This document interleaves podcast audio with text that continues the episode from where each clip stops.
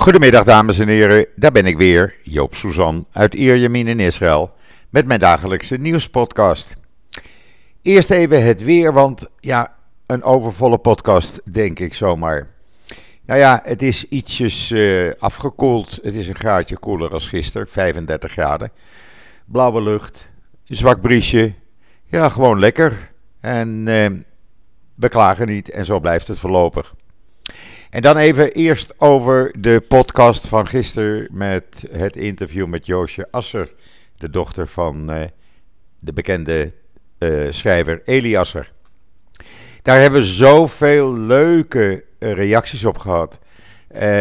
echt honderden mensen die reageerden met boodschapjes en zeiden van wat bijzonder en wat leuk. En nou ja, iedereen kijkt natuurlijk uit naar dat boek. Heeft u de podcast niet geluisterd, u kunt hem uh, terugvinden onder podcasts in uh, israelnieuws.nl.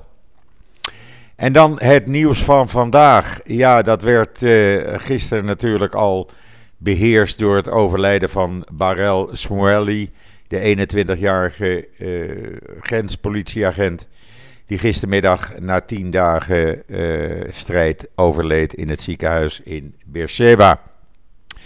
Uh, ja, dat was natuurlijk een schok, alhoewel velen verwachten het. Want de berichten de laatste dagen waren nou niet echt uh, bemoedigend.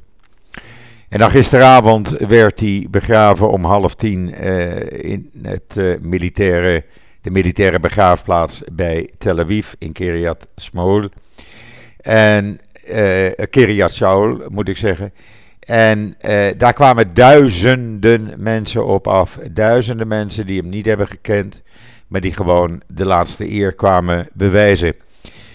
Zijn moeder, eh, ja, die had enorme kritiek op uh, de regering, op het opperbevel van de IDF. heeft daar een hele emotionele toes toespraak gehouden. Uh, u kunt dat uh, teruglezen in israelnieuws.nl natuurlijk. En ook uh, Jossie Barel, de vader, Jossie Smueli, de vader van Barel, hield een bijzonder indrukwekkende toespraak. Um, ja, dat is, zijn altijd emotionele momenten. Het werd ook op televisie uitgezonden. daarvoor al eigenlijk, voordat de begrafenis plaatsvond. En ja, het hele land leeft dan mee eigenlijk. En dat is, uh, dat is wel bijzonder. Um, ja, nu, uh, nu uh, wordt er natuurlijk opgeroepen om een onderzoek in te stellen hoe dit kon gebeuren. Waarom dat gat in de muur open was en waarom hij dat moest gebruiken. Uh, maar ja, daar heb je die jongen niet mee terug. Gisteravond kwamen de filmpjes op de journaals waarin je hem kon zien uh, zingen en dansen een paar maanden geleden. Uh, ja, ja, dat zijn natuurlijk uh, ja, hele, hele trieste, emotionele beelden als je dat dan ziet. Lees het terug op uh, israelnieuws.nl, dan ziet u de video's, de foto's, etc. En dan, ja, het wordt een beetje eentonig, maar toch maar het coronavirus nog even. Want gisteren hadden we bijna 11.000 nieuwe besmettingen. Het, voor het overgrote deel licht. Lichte gevallen. Mensen uh, kunnen dan thuis een aantal dagen in quarantaine blijven. Totdat ze zich na een paar dagen weer laten testen. Uh, maar het waren toch 10.947 nieuwe besmettingen. En de R-waarde is dan wel naar beneden. Dat is dan weer het rare. Die staat op 1. Maar de positiviteitspercentage, dat staat gewoon erg hoog. 7,65 procent. En dat is hoog. Want er zijn nu dus 83.500 actieve COVID-19 patiënten in het land. En daar liggen er maar 1122 gelukkig in het ziekenhuis, waarvan er 719 ernstig ziek zijn. Over het algemeen niet gevaccineerd, wordt erbij gezegd.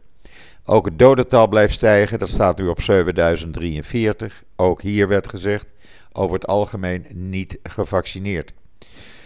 Van degenen die uh, gisteren besmet raakten, waren 33% jonger dan 11 jaar, 15% tussen de 12 en 18 jaar En er was slechts 4% ouder dan 60 jaar. Dat betekent dat die derde vaccinatie gewoon werkt.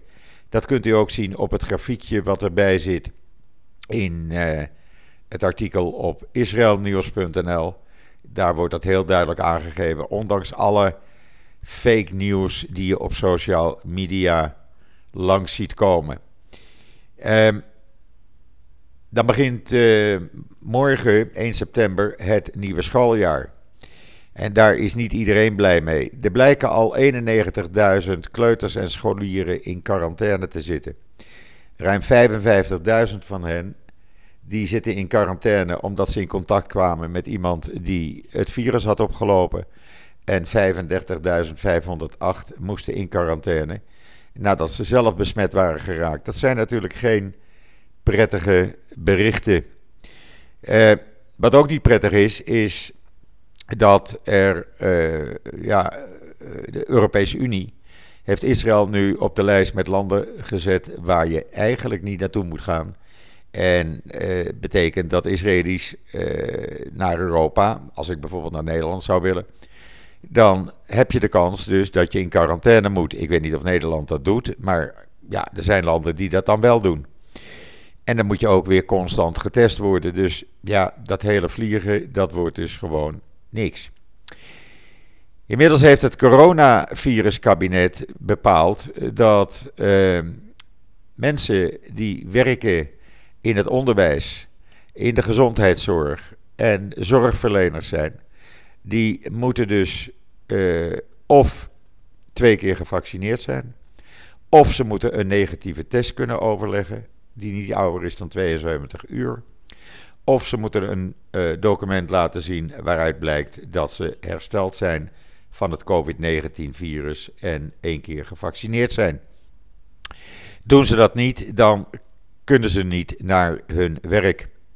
En die voorwaarden worden ook van toepassing binnenkort, in de komende dagen, op uh, iedereen waar uh, die publiek ontvangt. Dus ook in winkels en kantoren, overheidskantoren waar publiek kan komen, et cetera. Het personeel moet uh, voldoen aan de voorwaarden van het groene paspoort.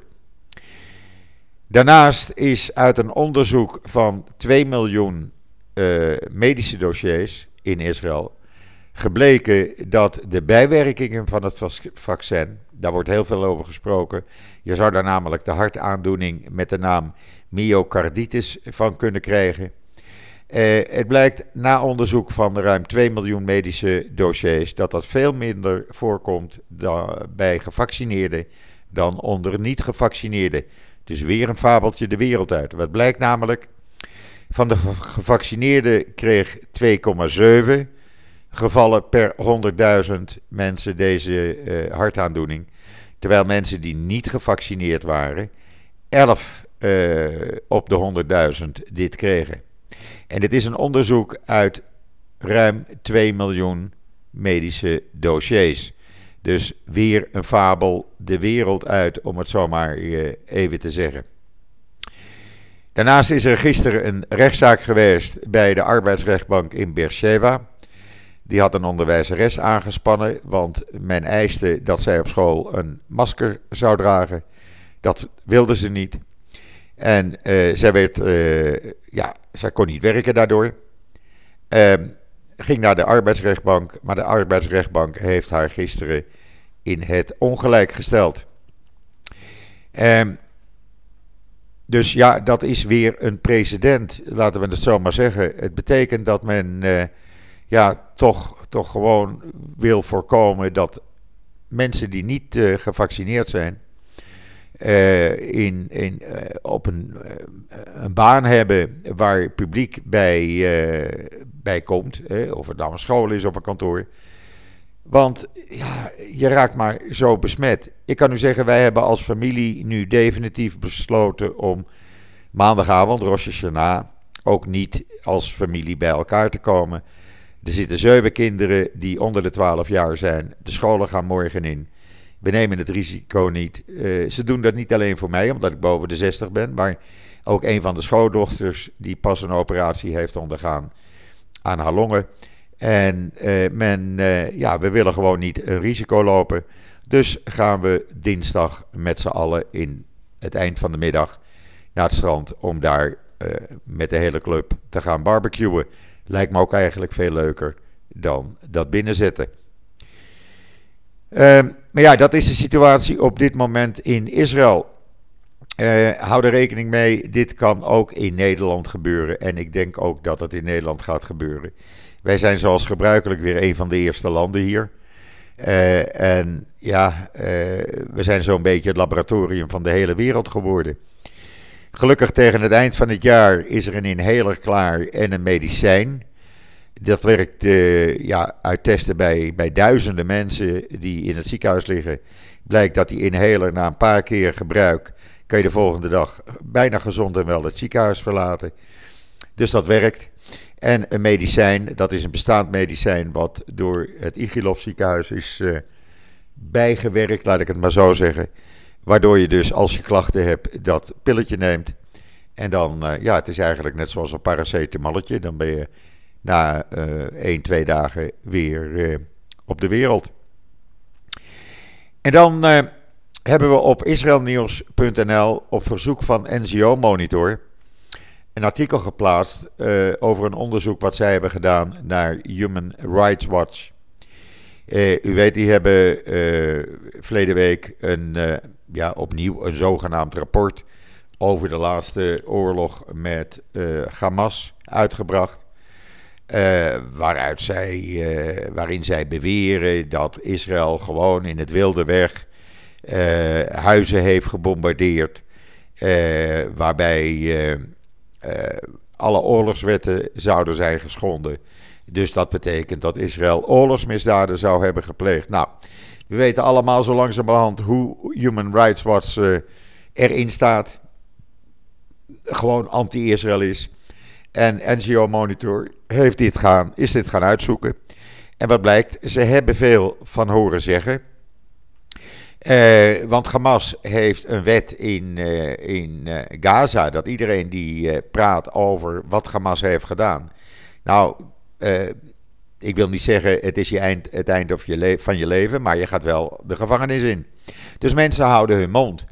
Eh, zoals er eh, bijvoorbeeld eh, in dat rapport wordt dan een zakenman geciteerd die zegt: Ja, ik weet dat Hamas kantoren had in de Hanadi-toren, die met de grond gelijk is gemaakt. Maar ik weet niet wie de huurders waren, wat ze, wat ze eigenlijk deden. Of hadden ze eigenlijk wel banden met de militaire afdeling van Hamas. Nou ja, het is allemaal aannames, aannames, aannames. En eigenlijk heeft Human Rights Watch niet één hard bewijs kunnen aantonen. En NGO Monitor heeft dat dus uitgezocht en gevraagd van Joop, kan jij dat plaatsen voor ons? Want de Nederlandse media willen niets van ons weten. Ook dat is een opvallend iets. Dat is al een hele tijd aan de gang. De Nederlandse media, of dat nou op verzoek van mevrouw Kaag is, ik weet het niet. Maar de Nederlandse media, als die rapporten kregen toegestuurd van NGO Monitor, wordt daar gewoon niets mee gedaan. Uh, vandaar, wij plaatsen het en dan komt het toch naar buiten toe. Ik zou vragen aan iedereen van u die dat uh, artikel gelezen heeft, deel het zoveel mogelijk op social media. Uh, zodat zoveel mogelijk mensen het weten. Want nogmaals, de media, ja, als dit het, uh, het, journalisme is in Nederland, dan mag je je toch uh, grote vraagtekens bijzetten. Maar ik heb de brieven gezien van, uh, die ze kregen, NGO Monitor. Want ik geloofde het ook niet. Dat was al, ik geloof, een jaar geleden of zo dat ze me dat lieten zien. Vandaar dat wij elke keer dus die artikelen van NGO Monitor naar buiten brengen in het Nederlands. Zodat u er toch van af weet. En dan uh, het laatste van de drie delen van Bas Belders over islamitische, uh, ja, is, islamitisch uh, antisemitisme. staat nu op israelnieuws.nl. de andere eerste en tweede deel kunt u teruglezen natuurlijk. Staat er ook op. Gewoon even naar columns gaan. een hele interessante serie. Hij heeft dat helemaal uitgezocht. Hij is historicus van beroep, dus bent u erin geïnteresseerd, lees het, dan weet u hoe het komt dat in de islam zoveel antisemitisme is. En dan eh, kunt u een miljoen dollar winnen als u eh, antwoorden heeft eh, op de klimaatcrisis. Dat is namelijk het Joods Nationaal Fonds in Canada. Ja, die, eh, die zegt iedere wetenschapper, Israëlische wetenschapper, onderzoeker of organisatie, eh, maar dat mag ook iemand anders zijn natuurlijk, die met een oplossing komt, krijgt 1 miljoen dollar van ons als aanmoediging. Eh, het wordt gedaan in samenwerking met Startup Nation Central en het Peres Center for Peace and Innovation. U kunt uh, het allemaal lezen op israelnieuws.nl, natuurlijk waar u zoveel mogelijk nieuws, heel veel nieuws uit Israël, elke dag weer opnieuw kunt lezen. Uh, ik zie, uh, of ik weet inmiddels hoeveel tienduizenden mensen nieuwsgierig zijn en die artikelen lezen op Israël Nieuws. Ik ben daar alleen maar blij en dankbaar voor. Want dat is de reden dat ik het ook doe. Om iedereen zoveel mogelijk te laten zien hoe wij hier leven, wat wij doen, et cetera.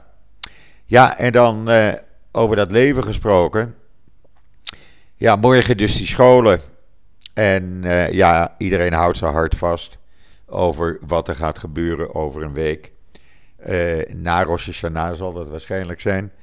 En dan ja, zullen de besmettingen waarschijnlijk weer gaan toenemen. Ook al omdat toch veel families besluiten bij elkaar te zijn. En hoe weet ik dat? Nou, ik was vanmorgen vroeg even naar de supermarkt om even wat te halen. Nou ja, het leek wel een slagveld. Iedereen met karren, vrachten vol boodschappen al voor Rosh Hashanah. Want dat is natuurlijk maandagavond. Dan gaan we naar het Joodse jaar 5782. En uh, ja, dat betekent dat veel families dan bij elkaar zullen gaan zitten. Uh, en dat, is, uh, ja, dat blijft natuurlijk een beetje link in deze tijd. Nogmaals, ik zei al, wij doen het niet als familie, helaas. Het is het tweede jaar. Maar er is geen andere oplossing op dit moment. En uh, ja, je moet jezelf toch ook een beetje beschermen, vind ik. En ook de mensen in je omgeving. Goed, dat was voor wat mij betreft de, het nieuws vandaag vanuit Israël. Uh, ja, eigenlijk uh, ja, op dit moment, wat gebeurt er? Even kijken of er nog iets schokkends aan de hand is in het land. Uh, ja, nog één dingetje eigenlijk. De raad van bestuur van Israël, Israël, en de grote hotelketen hier uh, in Israël. Nou, die kreeg uh, een bakmodder over zich heen toen bekend werd dat ze veel winst hadden gemaakt en van plan waren uh, behoorlijk wat dividend uit te gaan delen. En toen, uh, dat kwam naar buiten natuurlijk via Ynet, de Hebreeuwse site. en ze hadden namelijk van de overheid zo'n ruim 11 miljoen dollar ontvangen als steun. En dan ga je niet aankondigen dat je dividend gaat uitdelen. Dus dat hebben ze nu maar uh, uh, ja, teruggetrokken. want ze waren bang dat ze anders geen enkele boeking meer kregen. Nou, ik denk dat dit de enige juiste beslissing is. Want het is natuurlijk te gek voor woorden als je ruim 11 miljoen dollar aan steun krijgt van de overheid. En je gaat 7,8 miljoen dollar aan dividend uitkeren. dan ben je even de weg kwijt. Dus ja, het was uitgebreid op televisie ook natuurlijk, op alle zenders, want dat is nieuws. En uh, ja, onder druk uh, van de publieke opinie hebben ze dus nu besloten geen dividend uit te keren. Goed, dat was het dan voor vandaag. Ik wens u allemaal nog een hele fijne voortzetting van deze laatste maandag van, uh, laatste dinsdag van de maand augustus. De laatste dag van de maand augustus. hier is het gewoon lekker weer. Uh, ik probeer er straks nog even van te genieten. En wat mij betreft, ik ben er morgen weer en zeg zoals altijd: tot ziens, tot morgen.